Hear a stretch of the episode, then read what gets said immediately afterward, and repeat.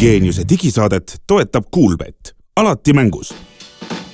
tere, head kuulajad, kalendris on juba kätte veerenud meile kaheksateistkümnes detsember aastal kaks tuhat kakskümmend kolm ja Geeniuse digisaade on täna siin, kus on stuudios Meelis Väljamäe, Glen Pilvre ja mina olen Hans Lõugas. täna selline aasta lõpu meeleolud hakkavad lähemale jõudma, aga ometi on meil üht-teist rääkida. uued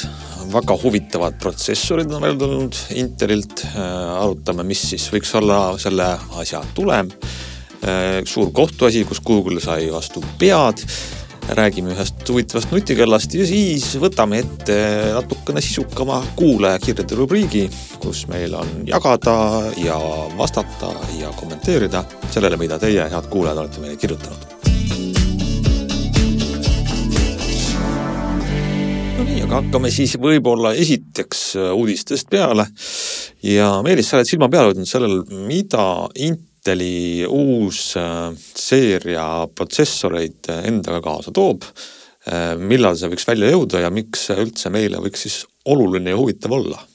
no eile kuulutati nad välja, kannavad siis nime Core Ultra ja seda võiks nagu meelde jätta, sest et tulevikus ostmisel tasub seda ultra nime seal koori sildi juures vaadata. ja ilmselt arvutid, mitmed arvutitootjad on juba tegelikult välja kuulutanud ka uued mudelid uute protsessoritega, aga ma arvan, et me hakkame nägema sellist suurt, suurt kogust uusi arvuteid nende protsessoritega siis just CES-il ehk siis siin suurel tehnikamessil, mis toimub jaanuari alguses, eks ole, ehk siis kuu aja pärast ja peale seda hakkavad ilmselt jupikaupa poodidesse jõudma, et äh, huvitav on muidugi see, et kui tavaliselt, kui Intel teeb nagu mingi natukene uuendatud protsessorist, alustab äh, lauaarvutimudelitest ja pärast tulevad siis lahjemad äh, sülearvutimudelid äh, järgi, aga seekord on siis niimoodi, et, et see Core Ultra on tegelikult põhiliselt ongi suunatud sülearvutitele ja ja seal on, täidab kahte eesmärki, et esimest korda, kuigi ta kannab Edcolt nime Core, siis tegelikult kogu arhitektuur, kuigi ta on endiselt X86, mitte ARM-i põhine, siis mm -hmm. kogu arhitektuur on tegelikult täiesti ümber tehtud, et ta ei ole, ei meenuta väga enam endist Core'i ja ta ka välimus on piklikum, mitte selline kandiline nagu eelmised olid aga põhiline erinevus on siis kahes asjas, ehk siis äh, jõudlus vati kohta on siis võib-olla see või efektiivsus on võib-olla see üks, üks sõna, mis eesti keeles selle kohta öeldakse, et kui. mis tarbija, tarbija keele tõlkides tähendab seda, et kui palju su aku kestab, kui sa kasutad midagi. ja aku kestab siis mõlemat pidi, ehk siis äh, kestab paremini siis, kui sa teed midagi, mis vajab suurt jõudlust ja kestab paremini ka siis, kui sa teed midagi, mis äh, kui arvuti niisama seisab põhimõtteliselt, et ta päris Apple'i M-seeriale veel vastu ei saa, aga ta saab päris lähedale, ehk siis tegelikult äh, kasutades Photoshopi ja muid selliseid äh, Adobe asju ja selliseid nagu suurt jõudlust nõudvaid asju, siis ta on jõudluse poolest sarnane Apple'i M2-le ja AMD kangematele kiipidele ja ka aku kestab enam-vähem sama palju, eks kuskil poolteist korda sama palju kui senised Inteli kangemad protsessorid ja täpselt sama vahe või tegelikult isegi suurem vahe on siis, kui see arvuti seisab sul niisama või sa istud veebis ja loed Delfit või midagi, eks ole, et siis sarnaselt kestab ta küll jah, natuke vähem, et siin üks Youtuber, tuntud Youtuber, kes tegeleb arvutite testimisega, tegi eh, siis võrdlustesti ja M2-ga MacBook Air sai üksteist tundi veebibrauseris istumist eh, ja siis uus Intel Core sai üheksa pool tundi ja eelmine Intel sai kuue tunni kanti, nii et noh, poolteist korda ikkagi kauem, eks ole. teine asi, mis on muutunud, on see, et sellesama suhteliselt tagasihoidliku energiatarbe juures on graafikajõudlus kaks korda suurem, ehk siis kui varasemad Inteli integreeritud graafikakaardid jäid kõvasti alla nii Apple'ile kui AMD siis selle integreeritud graafikalahendusele. sest nüüd nad on enam-vähem võrdsed, et küll siin enne kui need kiibid välja tulid ja Intel rääkis, kui ägedad nad on, siis kõik lootsid, et see, see vahe saab olema veel suurem, ehk siis nagu nad saavad olema veel võimekamad. aga tegelikult on, on siis jah, enam-vähem sarnased M2 ja, ja Ryzen seitsmega. aga mis, mis on see mõte, on siis see, et kui nüüd näiteks, kui need arved müügile tulevad ja kui need hinnad mida võib arvata, et nad ei ole palju kallimad kui eelmiste aastate mudelid, siis tasub nagu sellel silma peal hoida, et see koori kleepekal oleks juures sõna ultra seal. Ja muul juhul võib-olla järgmise aasta suvel ei tasu osta uut arvutit, millel seda ei ole, kui see ei ole just mängude arvuti, eks ole, kui see on lihtsalt selline, selline kerge ja väike arvuti, siis peaks seda ultrat jälgima või teine asi on siis see, et peaks jälgima hoolega hinda, et see vanema protsessoriga arvutid peaksid olema siis kõvasti odavamad, kui ei ole, siis ei tasu neid osta, tasub osta üldse uue protsessoriga mudel. aga kas seal on ka mingit võib-olla sissevaadet selle kohta, et kuidas ta AMD protsessorite kõrval siis täna on, et AMD-l on need Ryzeni seeriad noh. just, et äh, ongi umbes selline, et äh, ma võin siin, mida ma võin siin näiteks öelda siis seda, et äh, kui, kui me räägime nüüd ma võtan korraks ette ühe tabeli, mis räägib võib-olla siis jõudlusest niivõrd rohkem kui mitte niivõrd äh, akukeskusest, siis on vahe selline, et äh, äh, kes on graafikakaardi jõudlus, vaatan korra üle ka nii. protsessori jõudlus äh, on selline, et äh, ta on natukene võimsam kui Ryzen seitsekümmend kaheksa ja päris märgatavalt võimsam kui Apple M2, et kui tal on siin äh, Geekbenchi R kahekümne kolmes on üle kolmeteist tuhande punkti, siis Ryzenil on kaksteist pool tuhat ja M2-l on kaheksa pool tuhat ja siis äh, eelmisel Core seitsmel on kümme pool tuhat. siin muidugi ei ole arvestatud siis seda, et kaua aku kestab, ehk siis see on nagu täisvõimsuse juures ilma, ilma mingit aku kestvust arvestamata, et ta on ikkagi üsna võimas ka, eks ole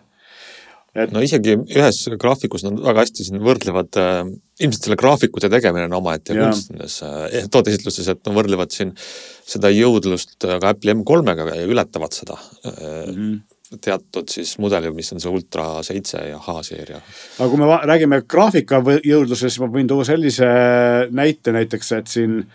Geekbench Bench kuus punkt kaks äh, on niimoodi, et kolmkümmend tuhat punkti on siis äh, sellel Inteli uuel viisteist tuhat punkti on Inteli vanal ehk siis täpselt kaks korda rohkem.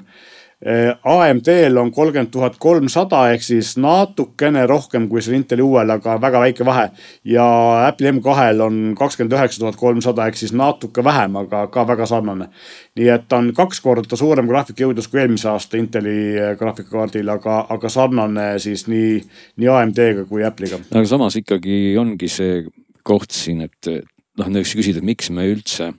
oleme õhinas, et protsessorid lähevad kiiremaks, et, et paljudel meist täna tegelikult äh, on vaja kiiremat protsessorit, pigem võib-olla on see ikka selline, kuidas ma ütlen, natuke selline tulevikku vaatav äh, asi, pluss siis kindlasti just see efektiivsuse teema, et aku peaks vastu. no tegelikult just see jah, et aku kestaks paremini on ju. no just ja siin on see küsimus, et kas keegi suudab ikkagi Apple'i ARM-i äh, arhitektuuriga protsessoritele olla konkurentsi pakkuda, sest lõppude lõpuks, mida me peaksime tahtma, on hea konkurents, sest siis ei ole ka kellelegi ei lähe hindadega täitsa kosmosesse ära või ei, ei naudi sihukest ähm, isetegelikkust, et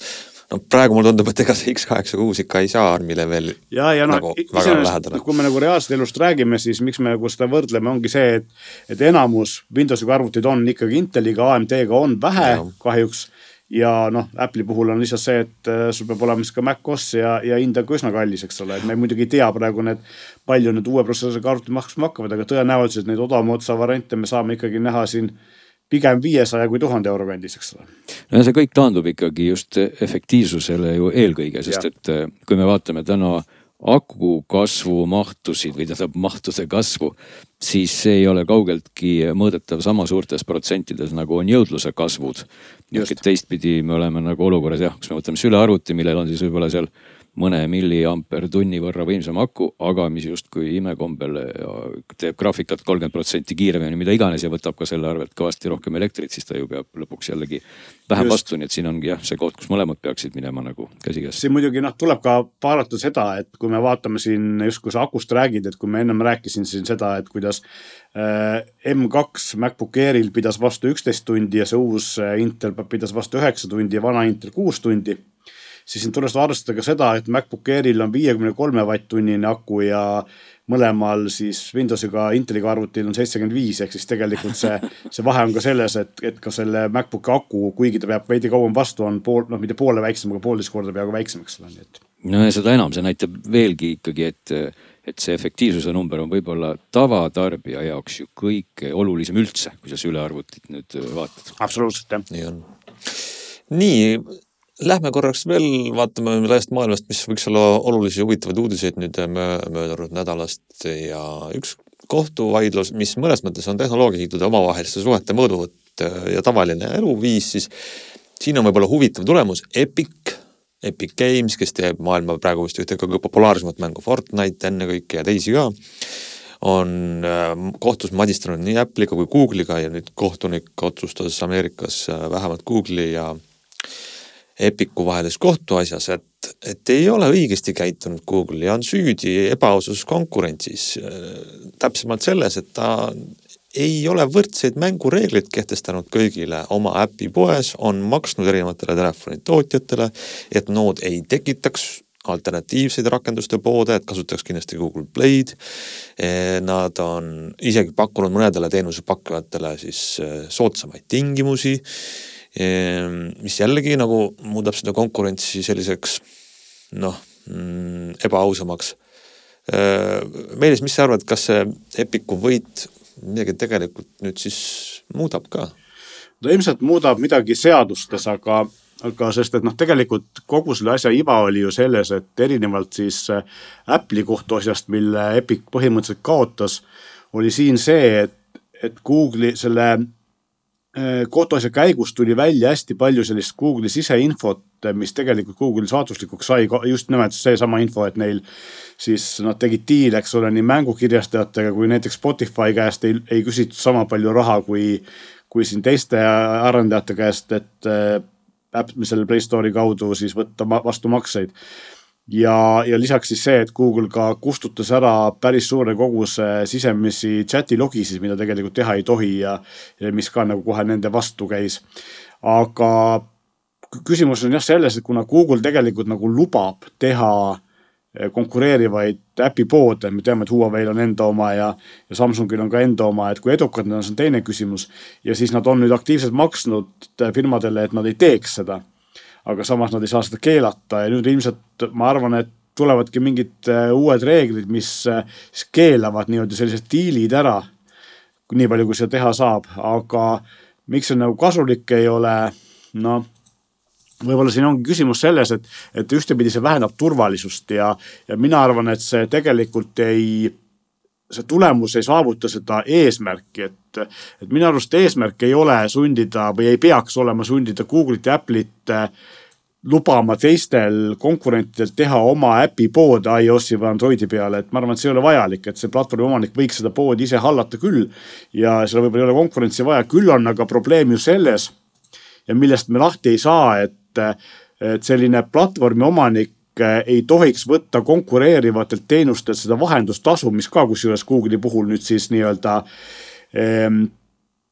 kuulutati või selle kohtuotsusega kohtunik või siis vandekohus otsustas, et kohtunik ise ei, koht, ei ole veel otsustanud, mida ta siis selle kohtuotsusega edasi teeb. aga kuulutati siis äh, nii-öelda äh, mitte ebaseaduslikuks, aga, aga siis äh, negatiivseks see, et et, et nad võtavad eh, siis vahendustasu erinevalt, erinevat moodi, et minu arust tegelikult eh, kuhu me peaksime jõudma, on see, et näiteks kui Google'il on Google eh, Youtube Music ja, ja Apple'il on äh, Apple Music, siis, siis äh, selliste teenuste omanikena nad ei tohiks võtta näiteks äh, Netflixi või, või Spotify või kelle iganes teiste firmade Audible'i käest vahendustasu selleks, et need firmad saaksid siis Play Store'i eh, nii-öelda eh, poesiseseid makseid, kuu, kuumaksulisi makseid koguda. et see on nagu ebaaus eelis, aga selleni me jõudnud ei ole ja, ja see on tegelikult see, kuhu me peaksime jõudma. see annab nagu praegu hetkel Google'ile või Apple'ile Google'ile ikkagi eh, sellise ebaausa eelise teiste konkur-, väiksemate konkurentide ees. jah, eh, ja kui mängus on äh Miljardid äh, dollarid käivet nagu Epicul on, siis vahendustasude osakaal võib olla ikkagi väga määrav. eks me siis ma, ilmselt kaks tuhat kakskümmend neli saame näha, kas see võib tuua ka meile, telefoni kasutajatele mingeid muudatusi selles või mitte, et. ma lisan siia juurde ühe täiesti võib-olla mitte nüüd otseselt selle uudisega üldse seonduva aspekti, aga ühe täitsa võib-olla tarbija nõuande, mis erinevates kohtades oma kõrvu näitab, et nimelt äh, kui on olemas mingid kuupõhised kuupõhise tasuga teenused, mida näiteks mingisugune keskkond pakub läbi äpipoe, aga pakub ka läbi veebi, siis enamasti kõik läbi veebi võetud sama teenus on reeglina mõned eurod odavam. just sellepärast, et äpipoed võtavad vahendustasu just nimelt, et tasubki olla tähelepanelik, et kui te juhtumisi tarbite midagi, olgu see siis noh, mis iganes asi, tänapäeval on meil igasuguseid ai-ga seotud teenuseid lõputu kogus, igasugused pildigeneraatorid, mida, mida iganes. ja väga tihti on neil paralleelne äpp, aga samal ajal sama keskkonda on võimalik kasutada ka läbi veebiliidese. ja kui te registreerite ennast läbi veebiliidese, on see odavam, et nii lihtne see ongi, et, et äpist tundub see nagu lihtsam, et telefonist tihti vaatad, et ohoh, et mingisugune äge asi, et võib-olla proovin. ja siis võtadki seal omale mis iganes aastase või noh, igakuise võib-olla makse, aga ei panegi tähele, et,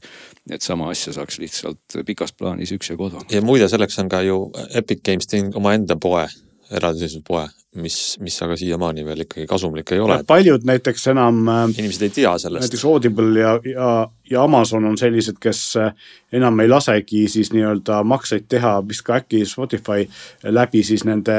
poodide linkide või nad ütlevadki, et mine veebi, et näiteks Amazonis sa enam raamatuid osta ei saa Apple'i ja, või siis iPhone'i ja Androidi äpist, vaid sa suunabki sind veebi ja sa pead sealt ostma, et. et see oli ka tegelikult Epici ja Apple'i ainus vist kohtulahendi ainus võit oli see siis, et kui Google pole kunagi keelanud seda, et, et siis äpi tootja võib sind suunata veebi enda keskkonda ja lasta seal siis osta. Apple on seda alati Just. keelanud ja nüüd nad vist enam ei tohi seda keelata, eks ole, et see, see oli see erinevus või see ainus tulemus seal äh,. kuulge, aga lähme edasi, sest et äh, veel palju põnevat on rääkida ja Glen, sul on käe peal äh, midagi suurt, ilusat, kallist, ägedat ja sa oled seda käinud kasutamas. võib-olla ma eksisin, palun lükka mu jutt ümber. loomulikult sa eksisid, tegelikult ei ole väga kallis ja noh, ei ole võib-olla väga suur. aga ilus? on küll küllalt ilus jah, ma pean ütlema, et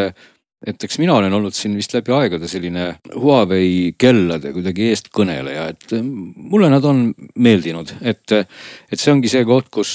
kus inimese sellisest vaatepunktist sõltub ju palju, et võib-olla kes vaatab autot alt või kes vaatab pealt, näeb üsna erinevat autot ja ja, ja mina kipun neid Huawei kellasid nagu pigem vaatama nagu pealt. et ega see on nüüd siis konkreetselt kell nimega Watch neli GT või on ta GT4, ma pean ka vaatama, mis pidi nad ise ütlevad, GT4 jah. ja tegelikult see GT seeria Huawei kellades on olnud kogu aeg selline, selline noh, kuidas ma ütlen, kõlab jutumärgis halvasti, säästuseeria. ehk et kui on Huawei'l kevaditi tavaliselt ilmnevad need, need tippklassi watch'id kõik, milleks on siis lihtsalt ilma GT-ta watch ja nad on siis veel lisandiga Pro ka mõnikord. siis aasta teisel poolel äh, võib juhtuda, et Huawei siis annab samast kella seeriast välja mudeli nimega GT ja võib ka sinna veel lisada võib-olla mõnikord tähed Pro, võib-olla mitte. ja nüüd siis GT4 on, on uus GT3, mis ilmus, kas ta oli isegi kaks aastat tagasi, suhteliselt ammu, minu arust ei olnud eelmisel aastal. nii et eh,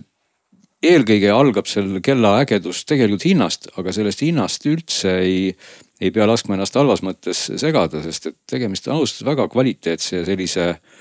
ilusa kellaga, nagu on ka teised Huawei kellad. väga palju nad rõhku pannud sellele välimusele tõesti, et neil on nagu, kuidas öelda,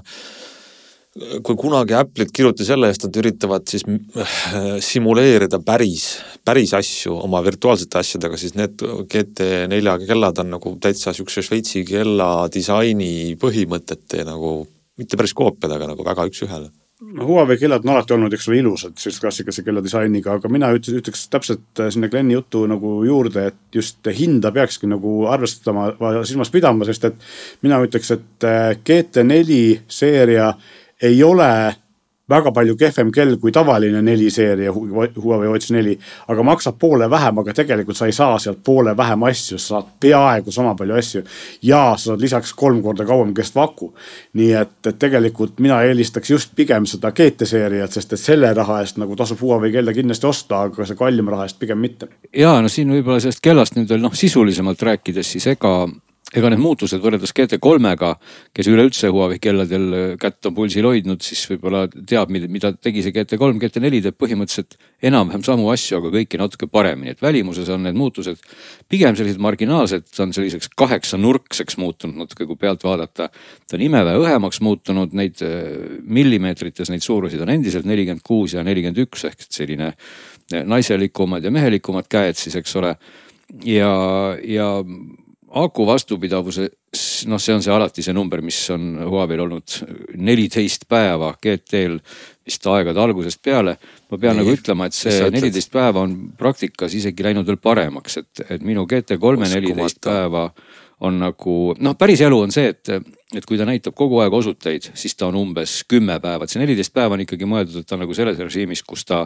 siis noh, muidu see kella sihverplaat ei ole aktiivne, on aktiivne ainult siis, kui sa keerad selle kella enda poole. aga noh, mina tarbin kogu aeg teda ikkagi selles kogu aeg osutid režiimis ja, ja siis ta kipub olema selline kümme pluss miinus, oleneb nüüd, mis trenne sa päevati teed, aga ta no. on läinud paremaks isegi kui, kui GT3 selles osas. küll aga, mis on siia tulnud veel kohe juurde, ma ütlen selle osutite näitamise koha pealt, et noh, selline väike asi, et kui kui ennem siis see režiim, mis näitas sulle kogu aeg neid äh, minimalistlikke osuteid ei aktiveerinud siis automaatselt seda põhirežiimi, siis nüüd ta seda teeb, et seal on uus Harmony OS neli punkt null. ehk et noh, mõnes mõttes see ajab nagu segadusse, kui sa pole sellega harjunud, sest et noh, kogu aeg, kui sa keerad nüüd kella nagu näoga enda poole, siis ta nii-öelda avaneb, ta hüppab sul kohe plõksti lahti. sa ei pea selleks nuppu vajutama, et mina tihtipeale kuidagi harjumust vajutan ikkagi seda nuppu ja siis selle nupuvajutusega juba avan seal mingisuguse menüü. ma tahtsin vahele korra hüpata siia jutuga, et see kõik on nagu mingi teisest planeedist, et ma ei saa aru, millest sa räägid, et see mul on raske suhestuda sellega, kuidas kell, kes on neliteist päeva ja kauemgi, see on esiteks. Ja teiseks teiseks ma vaatan praegu selle toote spetsifikatsioone kus nad ütlevad, et neliteist päeva on maksimum ja kui sul on kogu aeg ekraan sees, siis on neli päeva ja sa ütled, et, et need on veel konservatiivsed, et tegelikult läheb siit veel paremaks. et noh, kuni kümme päeva, et see on ikkagi mõttes... nagu nad keeravad seda nuga seal Apple Watchi kandjate hinges. Mõnuga seda küll võib-olla tõesti, aga noh, me tuleme selle teise koha poole juurde siis ka, mis võib-olla ei ole siis nii tore. ehk et vaata, siin sõltubki nagu väga palju sellest, et kuidas sina konkreetselt, meie saatekuulaja, sina, mhm. teie oma kella ja mida te ootate sellest nii-öelda nutikellast, et mina konkreetselt olen üks nendest tarbijatest, kelle, kelle ootused nutikellale põhimõtteliselt põhinevad, ma võin isegi need ruttu üles lugeda. mind väga huvitab, et ma saaks kellaga rääkida, sest ma võtan tihti sellega kõne kusagil vastu sellises kohas, kus ei ole minu telefoni. ja ma saan seda teha, ma võin isegi siis minna telefoni juurde, aga ma saan kõne võtta vastu. teiseks, eh, see kell imehästi otsib minu telefoni, sest mul on kalduvus kogu aeg oma telefon ära kaotada. ja mulle väga meeldib otsida telefoni kellaga, sest et siis kell või telefon hüüab kohe, et I am here küll inglise keeles, aga ma leian ta ruttu ülesse ta väga hästi hoiab seda ühendust telefoniga ja kui ma unustan telefoni autosse, siis ta suhteliselt õigel ajal, noh, ütleme üks mõnekümne sammu pärast ütleb mulle prõpp-prõpp, minu telefon jäi maha ja ma lähen vandudes auto juurde tagasi ja olen rõõmus. siis ma saan panna alumise nupu alla taskulambi, sest kui ma öösel ringi kohmerdan, siis ma komistan kõikide legoklotside otsa. kui ma ei pane põlema seda kellaekraani ja ma saan seda teha ühe nupuvajutusega. ja arvad, lõpuks. lõpuks, füüsiliselt kaks nuppu jah ja kaks nuppu ja lõpuks ta on ülimalt hea unetrackija selles mõttes, et, et kui sa harjud ära sellega, kui hästi ta saab aru kasvõi noh, ütleme jutumärkides sinu viieminutilistest uinakutest. see on täiesti ebareaalne, et peale seda, kui ma proovin mis tahes muud nutikella, mis tahavad mingeid unegraafikuid ja mida iganes, siis, siis see kell ei taha seda ja sellel neljal on see une track imine muutunud see on nagu veel jällegi kraadi võrra veel parem, et loomulikult ta saab nüüd. sest tal on uus andmed, eks ole. ja, et ta saab aru sinu mingit hingamismustritest, mis iganes loomulikult kerged, rasked uned, igast unenäod, norskamised, vähkremised ehk et see teave, mida ta sulle selle une kohta annab, on tõesti noh, iseasi, mis sa sellega teed, et ega mulle ka pigem noh, ma tean väga hästi, et ma võiks magada rohkem ja see, kui kell mulle loengut peab iga hommikul. et kuule, et natuke läks sul ikka täna öösel jälle pahasti, ega see nüüd minu päeva või ööd kuidagi ei tee paremaks, aga ikkagi ma olen selline masohhist, et mulle mõnikord meeldib nagu selle kella järgi seda vaadata. ja kuna mulle ka ikkagi, kui võimalus on, siis ma mõnikord viskan ennast päeval pikali. ja mulle kuidagi väga meeldib vaadata summariseeritult, palju siis minu minimaalsed unetunnid jälle sellest ideaalist puudu on jäänud. ta teeb seda kõike erakordselt hästi. nüüd mina ei taha kellaga teha ilmselt neid asju, ma arvan, võib-olla Meelis on just see inimene, kes võib-olla tahaks teha nagu maksta näiteks kellaga või kuulata. ma just tahtsin öelda, et me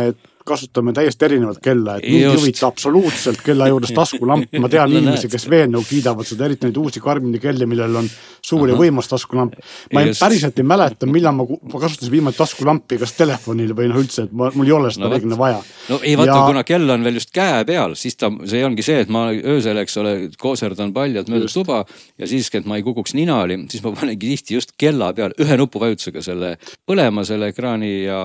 on väga hästi, eks ole. ma saan sellest mugavusest aru ja, ja lihtsalt see on, see ongi, näitabki seda, kui erinevad on inimeste kasutusviisid, eks, kelle jaoks on mis oluline. ma olen täiesti nõus, et taskulamp on väga mõnus ja, ja oluline asi nendele inimestele, kellel seda vaja on, eks ole. ja samamoodi, et minule, teine asi, mida mina, ma arvan, see tuleneb sellest, et ma olen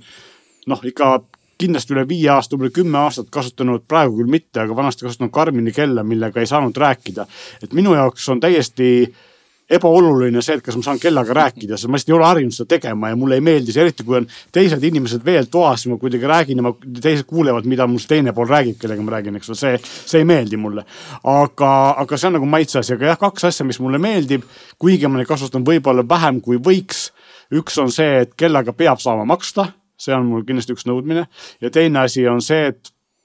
teine asi on see, et kellaga peaks saama kuulata muusikat ja podcast'i ilma telefonita, kui ma lähen kuskile jalutama või jooksma, mida ma viimasel palju ei tee või rattaga sõitma, ei taha telefoni kaasa võtta, siis ma saan ka klapid kellaga ühendada ja sealt kuulata, et need on nagu need kaks asja. kuigi jah, ma olen nõus, et tegelikult Glenni poolt öeldud asjad ehk siis taskulamp ja rääkimine on kindlasti enamus inimeste jaoks praktilisemad asjad kui need asjad, mis mina kella poole eelistan. ei no ei tea, ma isegi võib-olla nii ei, ei ütleks, et, et paljud võib-olla tahakski kuulata ja, ja maksta ja ma, ma ei näe selles nagu midagi halba. lihtsalt see, et vaata need... enamus inimestel nagunii on telefon kaasas, millega saab nii kuulata kui maksta. tõsi, sest et mina olen ka noh, nii palju, kui ma olen ju testinud erinevaid kellasid, millega seda võimalus on olemas. olen ma ka pannud tähele, et täpselt nagu Meelis ütleb, et temal ei teki võib-olla harjumust nii kergesti rääkida, siis minu jaoks ka ma olen proovinud kellaga ju maksta ja maksnudki mingid ajad, aga mingil hetkel ma olen ikkagi avastanud, et, et mul on kuidagi lihtsam teha seda telefoniga, sest et kuidagi see kell on seal nagu varruka all ja mingi pusserdamine ja, ja telefon on mul alati nagu kätte võtta. talvel on see tõesti nii, et talvel on kell kohati telefoniga mugavam kui, kui kellaga. kas Huawei Pay'd Eestis ei ole? ei, Huawei Pay'd loomulikult Eestis ei ole ja midagi, mida siis ka Eestis ei ole või mis Eestis ei ole üldse seal kellas, eks ole, on siis noh, nii-öelda need kolmandate osapoolte äpipoed, äpid. väga vähe on neid jah. jah, et sa pead ikkagi piirduma Huawei äppidega ametlikult selle kellaga endiselt või no mis endiselt, see ei olegi ilmselt Huawei'l üldse eesmärk. kellaga ei saa siis otseselt suhest kohtuda, noh, sa ei saa vastata sõnumitele doksides näiteks või sul tuleb mingi teade või meil. sa saad küll vastu saata sellise mingi emoji või mingi kiirvastuse, aga sa ei saa siis kellaga koostada vastust. teistpidi jällegi noh, ütleme mina personaalselt ei tunne mingit vajadust, et ma peaksin saama seda kellaga teha, et mulle piisab täiesti nendest teavitustest, mida kell näitab. aga, aga kes seda tahaks teha, ei saa, noh täpselt nagu Spotify äppi ma juba mainisin, eks ole. selle kõrval ei ole seal ka ilmselt mustmiljonit muud äppi. nii et kes on selline tõeline nutikella, rõhutame nutifänn või, või tahaks midagi, siis see pakub neid asju mõõtmatult vähem kui sellised noh, täisväärtuslikud nutikellad, olgu siis selleks Apple või Google. nii et, et ta on täpselt selline kell, et kui ta need lahtrid sinu vajadustest täis tiksutab, mida mina siin natuke üles lugesin. Pluss siis see aku vastupidavus, pluss väga kihvt või noh, väga soliidne välimus, muide sellel neljakümne kuue millimeetrisel kellal siis üks versioon, mis ka mulle juhtumisi testkellaks sattus. on sellise väga moekalt, kuidas ma ütlen, kootud taaskasutatud ookeaniplastikust rihmaga. Et, et see võib-olla lisab sul siis sellist rohelist tunnet. Ja sellel uuel kellal on siis tehtud ka selline kahekümne nelja tunnine nagu riba sinna juurde, mis näitab nagu ööd ja päeva, aga praktikas muidugi on see lihtsalt selline väike visuaalne linnuke juurde selle kella välimusse, et midagi väga sisulist sealt ei tule, aga see kõik kokku lihtsalt tähendab, et on üks ilus ja tore kell, muidugi korpus on ikkagi terasest, et noh, kallimatel Huawei kelladel on ta magneesiumi eh, sulamist või, või no, ütlesin ma nüüd valesti, on see titaan või, pagan, ühesõnaga see on, see on see mingisugune metall, mis on veel kõvem kui teras, et sellest on siis tehtud need kallimad kellad. ja, ja noh, seda tal ei ole, aga, aga midagi ma ei ütleks, et ka sellega poolest ta ei näe kuidagi välja odav ta näeb välja tunduvalt kallim, kui ta on ja kui me selle hinna juurde jõuame, see oligi siis kakssada viiskümmend eurot. et tegelikult al, sellest algab, eks ole, et loomulikult sa võid maksta rohkem, kui sa võtad seal vist terasest rihma ja, ja läheb see peaaegu vist neljasajani välja, oleneb nüüd ikkagi välimusest vähemalt kolmesaja viiekümneni, aga noh, sellegipoolest kahesaja viiekümne euro eest sa saad sa tegelikult täiesti ilusa ja korraliku kella, mis noh isegi teeb palju rohkem kui enamik väga kalleid kellasid mingites valdkondades, nii et see on see nagu kummaline heas mõttes vastuolu ja et tegelikult jah, kuna nutikell on ta nagu nii-öelda ainult nominaalselt, ehk siis tal äpipood on, aga seal äppe väga palju ei ole, aga nutikellaks ta siiski kvalifitseerub, et äh, üks asi, mida tuleb mainida, on siis ka see, et töötab siis nii Androidi kui iOS-iga, et mõlematega töötab. Androidi kasutajad peavad küll tõmbama alla, kuna Play Store'is seda Huawei äppi ei ole, siis selle alla tõmbama QR koodiga karbi pealt, eks ole, siis saab lingi ja sealt tõmbama. Apple, Apple'i äh, poes on see äpp saadaval. mina kirjutasin siin äh, mõned ajad tagasi või tegelikult siin kuskil paar nädalat tagasi ühe väikse artikli viis nutikella, mil hind jääb alla kahesaja viiekümne euro ja mida me soovitame ja siis äh, seal oli see Huawei GT4 täitsa sees, nii et äh, just no, sellele, et hind on hea, see tervise jälgimissüsteem on endiselt vist hetkel ületamatu, ehk siis ta on tegelikult väga, väga hea selline asendus Fitbitile, kes praeguseks kahjuks hakkab nagu vaikselt siin niimoodi varjusurma jääma ja loomulikult põhiasi on see, et see aku kestvus, eks ole. ja, ja muidugi ja... tervise poolt ka just võtan siit veel sõnasabast kinni, et tõepoolest on Huawei proovinud siin teha kõiki asju rohkem selliseks, kas siis mängulisemaks või kuidagi no ai või selliseks, kuidas öelda, tehisintellektsemaks natukene, et selle asemel, et kell näiteks ole siis neid tooreid numbreid, üritab ta kogu sellest sensorite müriaadist genereerida sulle siukseid terviklikke kokkuvõtteid, noh, see puudutab näiteks mingit jooksmist, sinu suutlikkust, seal ta võtab arvesse siis mustmiljoneid parameetreid, mida ta saab võtta alates hingamisest. täpselt nagu ma magamist mainisin. ehk et ta nagu proovib hästi terviklikult siis kuidagi teha järeldusi nendest sensoritest ja anda sulle mingit tagasisidet ja muidugi spordi järgi, järgimisest on siin jälle mõned alad tulnud juurde. ma ei tea, kas need vanasti olid, aga väidetavalt oli siis näiteks siin tennis, lauatennis, kas sulgpall ja sellised mõnes mõttes spetsiifilisemad, aga, aga võib-olla väga paljud ju mängivad meil siin sulgpalli või teevad midagi muud sellist, mida ennem ei olnud. see on olemas, mina käisin selle kellaga ka juba suusamäel pean küll tunnistama, et monosuuske seal siiski veel ei olnud, aga seal olid lumelaud ja suusatamine, need olid ka ikkagi eraldi alad. nii et olgugi, et mõlemad eeldavad mäest alla sõitmist, siis näed, kella jaoks on see kuidagi ikkagi erinev. kas sa siis oled nägu ees või jalad või külg ees, nii et põhimõtteliselt ta nagu näitab sulle enam-vähem samu asju ka, igasugused maksimumkiirused, kõik need muud asjad, pulsid, hingamised, kõrgused, vahemaad. aga näed, mingi erinevus seal on, et neid spordialasid on seal ka tegelikult, neid on olnud kogu aeg palju ja neid on veel rohkem, nii et kui te ikkagi juhtumisi olete selline heas mõttes hull sportlane, kes tahab seal oma terviseandmeid väga detailselt pärast kategoriseerida ja vaadata, siis see pool on seal ausalt öeldes ka väga korralik. ja siin tuleb kindlasti noh, Huawei ilmselt teeb seda paremini kui osad teised firmad, aga kindlasti, kui te olete nagu suur selline spordi, erinevate spordialade harrastaja, siis tuleb kindlasti vaadata seda, et mida need erinevad spordialad teevad või kuidas neid mõõdetakse, sest päris tihti on selliste odavate Hiina tootjate, ma tean, Xiaomi puhul on see probleemiks, et ja minu arust oli ka selle TicWatchi Movoi puhul sama probleem, et siis seal on küll sada või sada viiskümmend spordiala, aga tegelikult nendest saja viiekümnest, ma ei tea, üheksakümne viiel ta oskab vaadata lihtsalt sul seda, kaua see asi on kestnud ja mis su pulss on ja siis ta lihtsalt see, et kahel erineval spordialal ei ole tegelikult vahet, eks ole. et ja, tegelikult on see näiteks, kui sa võtad tennise Äh, profiili, siis võiks eeldada, et tennise profiil suudab lugeda su lööke või isegi löögi tugevust ja siukseid asju, aga paljud seda ei tee, eks ole, Karmin teeb. Huawei paljud asju teeb ka, aga seda peab arvestama, et, et paljud sellised nii-öelda jutumärgis nutikellad, mis on ühtlasi ka üritavad olla spordikellad, on see spordi mõõtmine lihtsalt nominaalne, eks ole. ja, ja siin noh, mina ise seda nüüd võrrelnud ja testinud taga sirvides siin ülevaateid ähm, on teda pandud siis ka nagu sellelt positsioneerimistäpsuselt ja ja liikumistäpsuselt siin kõrvutatud eh, ikkagi Apple Watch Ultraga, mis on väga, väga teises hinnaklassis kell ja, ja selle koha pealt isegi kohati vist oli ta vaata veel täpsem või vähemalt sama täpne või nad on täitsa ühes,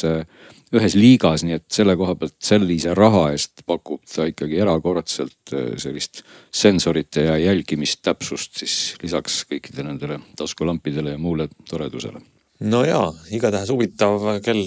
mida vaadata. kuigi minu jaoks jääb okas hinge selle äppide puudumise osas, mis Huawei, Huawei tootega käib kaasas, aga kui sellest üle olla, siis kindlasti nagu väga huvitav toode. kas võib-olla lähme kuulajakirjade rubriiki? sest et meil on viimane nädal olnud selline, kus on tulnud neid uksest ja aknast rohkem kui keskmiselt. alustame võib-olla esimese teemaga, eelmine nädal rääkisime uuest ERR-i raadioäpist, avaldasime, mis meile seal meeldib ja mis meile seal ei meeldi meile kirjutasid mitu inimest selle peale, näiteks Sten kirjutas, et teda häiris, et valet infot jagatakse äh,. tagasikerimine on võimalik, ei ole küll nuppu minuti ja kahe minuti kerimise jaoks, aga saab kerida näpuga või kolmekümne sekundi kaupa, ütles Sten.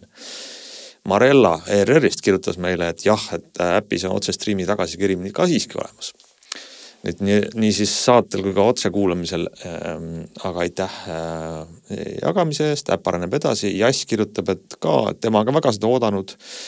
et ta üldse väga ei meeldinud see, kuidas siiamaani telefonis oli, uues äh, äpis on siis võimalik kuulata otsestriimi kuni kaks tundi tagasi kerida. No mis nüüd on, Glen, sul öelda selle kõige peale, kas, kas sa esined avaldusega Eesti rahva ees või, või ei? no küsimus on selles, kas ma astun tagasi, ütleme nii. küsimus, jah, väga õige, kas sa astud tagasi või ei, mida peab veel juhtuma? või tuleb Facebooki grupp Usun Glen Pillure ma arvan, et mõlemad variandid tegelikult sobiksid mulle isegi võrdselt, et. Äh, ma tegelikult kaitseksin sind, Glen tegelikult võib-olla selles mõttes, et kui ma nüüd meenutan sinu, äh, sinu väga, esiteks ma ütlen aitäh kõigile kuulajatele, väga tore tagasiside on, aga kui ma õigesti mäletan, mida sa soovisid, et võiks ju olla see, et kuulates otsestriimis saadet poole pealt saad hüpata saate algusesse aga saate markereid ei ole. jah, see ei tulnudki mul meelde, loomulikult seda ütlesin ma ka, palun, kus on saate marker, kus ma saan hüpata algusesse. aga tegelikult, tegelikult ma ikkagi meenutaks seda, et esiteks muidugi on väga tähelepanelik ja tore, et, et tähelepanu sellele sai üldse juhitud, sest peab tunnistama, et, et mina nagu selliselt laisalt panin lihtsalt ka ERR-i äpist selle striimi mängima sealt, sealt nii-öelda alt mm, -hmm. et, et seal on kaks vaadet, eks ole, et kui sa paned äh,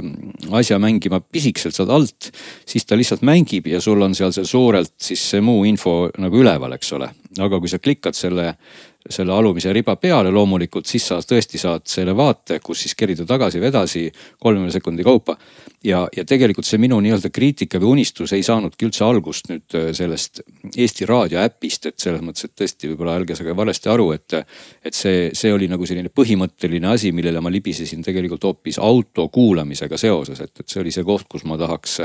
kerida väga ja tõepoolest äh, ei olnud ma nüüd kursis sellega, et, et saabki Eesti Raadio äpis seda teha. küll aga ütleme ka ikkagi täpsustuseks, seda saab ikkagi teha nendel nii-öelda siis põhikanalitel, milleks tunduvad olevat siis Vikerraadio, Raadio kaks mm, oli see vist Klassikaraadio, kui ma ei eksi ja vaat siin jällegi ma ei hakka nüüd ütlema, et see on lõplik nimekiri, aga kindlasti oli, ei olnud seal siis kaugeltki kõiki neid eraldi sektsioone või kanaleid, mida täna siis Eesti Raadio äpp pakub. et päris kõikides seda striimi kerimist ikkagi ei olnud, see on nendes siis nendes nii-öelda põhiraadiotes. ja selle peale siis kohe muidugi võtsin ka kätte huvi pärast, vaatasin, et kuidas see auto integratsioon siis võiks olla, sest et teadupärast täna me ju kuulame Apple CarPlay's või, või Android autos, paljud, kellel on see võimalus minul on Android auto ja vaatasin huvi pärast, kas ka Android autosse on ilmnenud see äpp ja tuleb tunnistada, et siiski ei ole, nii et ma nüüd ütleks, et. et, et kas arendajad saaksid ka sellise toreda ja mm, nõksu teha, et see ilmuks sinna autosse ja vaat kui siis saab veel striimi tagasi kerida. siis hakkaks juba päev minema veel paremaks, sest et konkureeriva kontserni äpp, mille nimi on siis Player kus siis teadupärast on meil Raadio Kuku ja, ja igasugused muud teised äh, kanalid. selle äpp tõepoolest on olemas Android autos, aga ei õnnestunud sealt kerida ikkagi striimi edasi ega tagasi, nii et seda peab ütlema, et Playeri äpis seda võimalust ei ole. Kuku raadio striimi mina ei saanud kerida tagasi siis ei oma telefonist, rääkimata autost ja, ja minu OnePlus telefonis millegipärast Playeri äpp lihtsalt jookseb kogu aeg kokku. nii et ma ei tea, kas ma peaksin kirjutama kaebekirja hiinlastele või hoopis Playeri äpi tegijatele. ei tahaks, et sealt Hiinast tuleks kuulajakirju, sest muidu meil läheks postkast umbe et eh, ja siis vaatasin ka natuke veel põgusalt siin veel teisi äppe, noh, mis küll ei ole enam raadioäpid, aga, aga noh, Delfil on Delfi tasku, mis pakub ka ju eh, podcast'ide sisu. ka seda äppi ei paistnud siis Android auto nimekirjas. ehk et siit võib-olla eh, jällegi siis selline heatahtlik üleskutse arendajatele, et kui see on nende teha, siis tegelikult sellised äpid võiks olla just nimelt nende auto auto opsüsteemide või Apple CarPlay Android autode nimekirjas, sest et see on ju see koht, kus sa reeglina neid kuulad, et noh, kui muidu ma podcast'i, mis iganes äpiga ma kuulan, mul on see Player FM selleks, selleks äpiks, loomulikult see on ju olemas. Android autos nagu on ka TuneIn raadiod ja, ja kõik need teised äpid. nii et see on see koht, kus siis ka võiks Eesti Raadio äpp olla. aga, aga veel kord, ma ikkagi raputan omale tuhka suures koguses pähe ja astun vähemalt mõneks ajaks praegu tagasi küll, vähemalt, vähemalt nädalaks ühesõnaga, et, et, tegelikult, tegelikult muidugi peab asju testima alati väga põhjalikult ja peab tunnistama, et me seda ka mõnikord ei tee, aga teistpidi, kui me oleks testinud väga põhjalikult ja kõike kiitnud, siis võib-olla Marell poleks meile üldse kirjutanud, rääkimata Stenist. Ja, ja iseenesest see on ju ainult tore, et, et inimesed meid Just. selliste toredate soovitustega meeles peavad. ja lubame omalt poolt siis ülejäänud kuulajad kursis hoida sellega, aga meil tuli veel kirju viimase nädala jooksul. ja Agu äh, palus meil rääkida äh, siis koljus kõlavatest klappidest, just nii, bone conduction headphones ja Agu kirjutab seda, et tema ise kasutab, ta on väga rahul, tal on OpenShocks Prod, mis ei umista kõrva, ei pane kõrva neid on ju, vaid sa ei summuta ka müra, ei kuku ära. sobivad ka hästi kõnede tegemiseks, kuigi nad ei ole kõrvas, eks. rattasõidul, jalutamisel võimaldavad need mõnusasti ümbrust jälgida ja, ja saab füüsilistest nuppudest juhtida ja mis oluline, erinevalt siis nende kuulmekanalis olevate klappidega, et kui sa sööd näiteks või krõmpsutad midagi, siis ei, ei kõla su enda peas kõik laiali. ma saan aru, mina näiteks ei ole, aga Meelis ja Glen, te vist olete mõlemad vähemalt mingi aeg neid äh, kasutanud mina olen kasutanud ja ma pean tunnistama seda, et ma ei ole kasutanud uuemaid versioone, et mina kasutasin viimati Shoxi klappe siis, kui selle firma nimi oli veel Aftershocks, eks enne nimevahetust, millest praeguseks, mis juba paar aastat möödas. Ja ma tahaks kindlasti uuesti proovida, tegelikult üks asi, mida ma veel võib-olla tahaks proovida, kui on võimalus, aga hetkel ei ole olnud, on see, et üks väga huvitav tootja tegi veel hiljuti samasugused klapid mis ma üldse imestaks, et ta on tegelikult salaja soksi poolt toodetud, äh, nimelt Suunto, kes on suur kellatootja. ja on siis selline sporditarvete firma, äh, tegi ka sellised äh, luuedastusega või bone conduction klapid. Neid võiks võib-olla ka proovida, aga mis puudutab nüüd nendesse klappide omadustesse, siis mina ütleks, et see on samasugune asi, nagu me just rääkisime nutikellade puhul, kus minul ja Glenil oli täiesti erinev nägemus, mida üks nutikell peaks tegema, eks ole, ja see ongi hea. sest inimeste arusaamad asjadest on erinevad ja sellepärast äh, minule tool kord, kui ma proovisin, noh, ei meeldi mulle kaks asja nende juures, üks asi on see, et bassi on vähe mis okei okay,, sa võib-olla ei pea kuulama alati muusikat, podcast'ide jaoks piisab. muusikat ma nendest kuulata pigem ei tahaks. ja teine asi, mis mulle isiklikult ja see kindlasti on hästi individuaalne. Eh, nad kippusid mu siin meelekohtadel, mille peal nad toetavalt vibreerima tugevalt ja see tekitas mul sellist peavalu või see üsna ebameeldiv mm.. ma ei tea, kas uutel mudelitel on see muutunud aga tol hetkel mulle ei istunud need klapid kohe üldse. E, maitse asi loomulikult ju hästi individuaalne, aga ma olen nõus, et kõik äh, need asjad, mida siin meile kirjutanud äh, Agu on öelnud, on tõsi, ehk siis äh, tegelikult turvalisuse ja sellise ruumiga kursis olemise koha pealt, eriti väljas sporti tehes on need väga mõistlikud lahendused ja, ja loomulikult ka see, eks ole, et, et siis ähm, noh, su kõrvad on esiteks vabad ja teiseks on see, et ta võib-olla ei väsita kõrva nii palju, kui nad ei ole otsapidi kõrva sees, eks ole, et. et selles mõttes äh, hea alternatiiv küll. siin peakski jah, võib-olla täiendavalt siia veel lisama nüüd juurde, et kõik see jutt vastabki tõele, et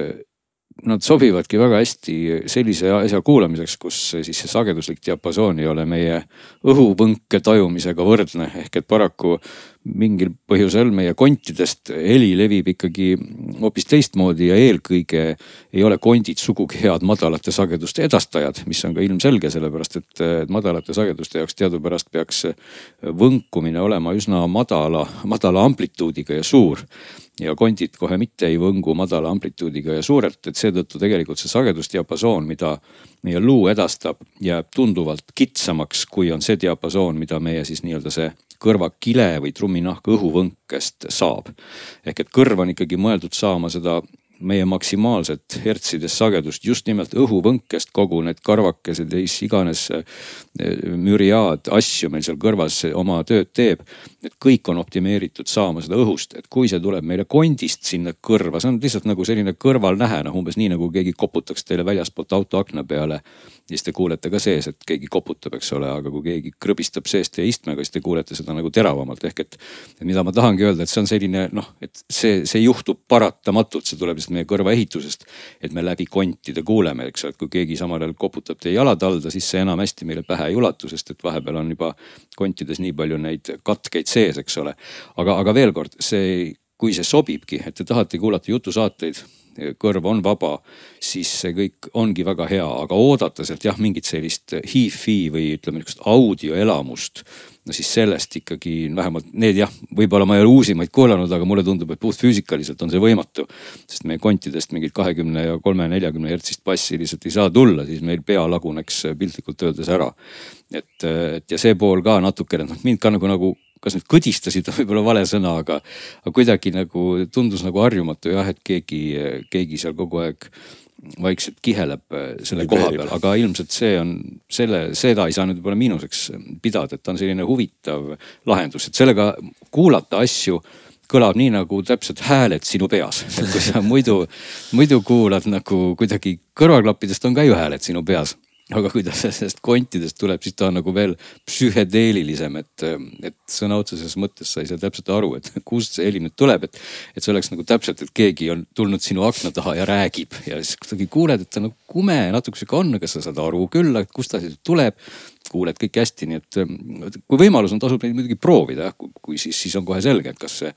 sulle sobib, eks ole, et, et muidu, muidu ei saagi aru, et üks ütleb hea, teine ütleb halb, aga võib-olla on tõde seal täpselt ühes või teises otsas on ju. igatahes hea meeldetuletus, et kes võib-olla tegeleb siis rohkem podcast'ide ja saadete kuulamisega, siis võiks neid proovida, et on huvitav kogemus. kusjuures nendega saab teha veel ühe sellise toreda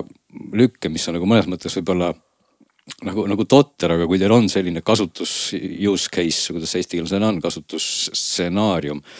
et te näiteks juhtumisi tahate muud helid nagu maksimaalselt summutada, aga samal ajal oma asju, jutuasju kuulata, siis te võite kõrva pista need, need tööstuslikud või need kolm M-i kõrvatropid, mis ikkagi summutavad kogu maailma täiesti ära. Ja kui te samal ajal panete need kondiklapid, siis te kuulete ideaalselt et see, see on nagu nii totter kombinatsioon tegelikult, sest et noh, mm, ütleme sellist tavalist nööpkuularit sa reeglina nii tihedalt omale kõrva ikkagi ei õnnestu pressida, nagu siis seda päris seda kõrvatroppi, mis seal vahust, eks ole, paisub, aga, aga nende kontklappidega sa saad sellise naljaka kombinatsiooni teha, nii et, et kui on vaja juhtumisi, ma ei tea, põrandat lihvida või relakaga tööd teha ja tahad hirmsasti ka samal ajal saadet kuulata, siis tuleb need kõrva panna, need kõrvatropid ja siis see kondiklapp ka ja. no vot, võiks ju järgi proovida. võtame ühe viimase kirja veel, mille saatis meile Mihkel.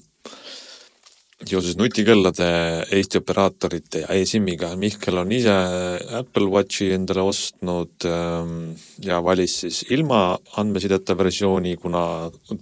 ta ei olnud Telias, tema teada ainult Telia seda toetab. sõber ostis mõni aeg tagasi andmesidega Apple Watchi Elisa lubas, et varsti saab ja ütles jälle, et varsti saab e-SIM-i.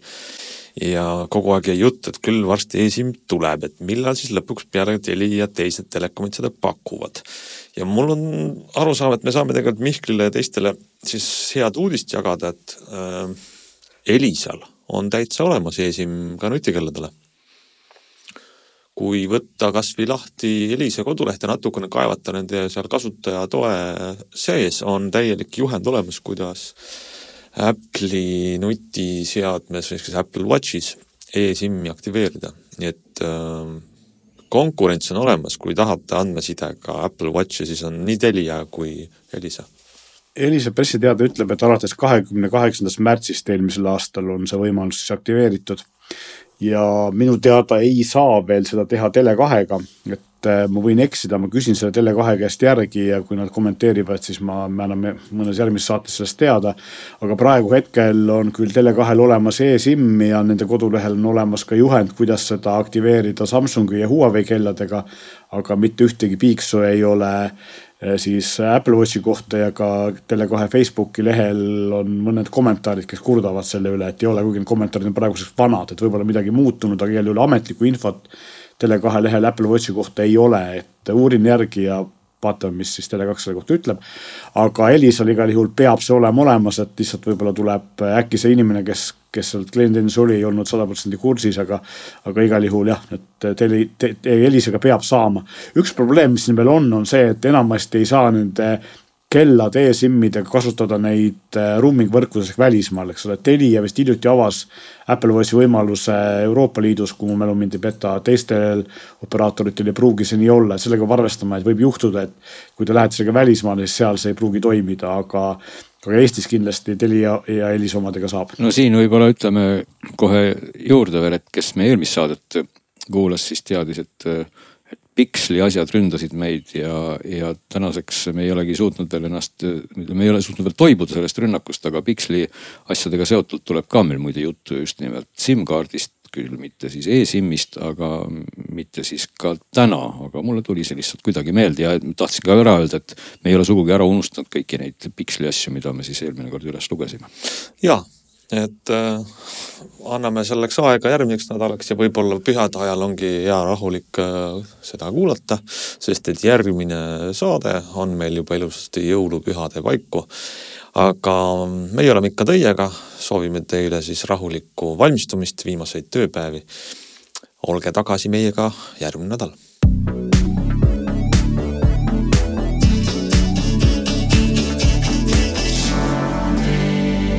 Kuulmet, alati mängus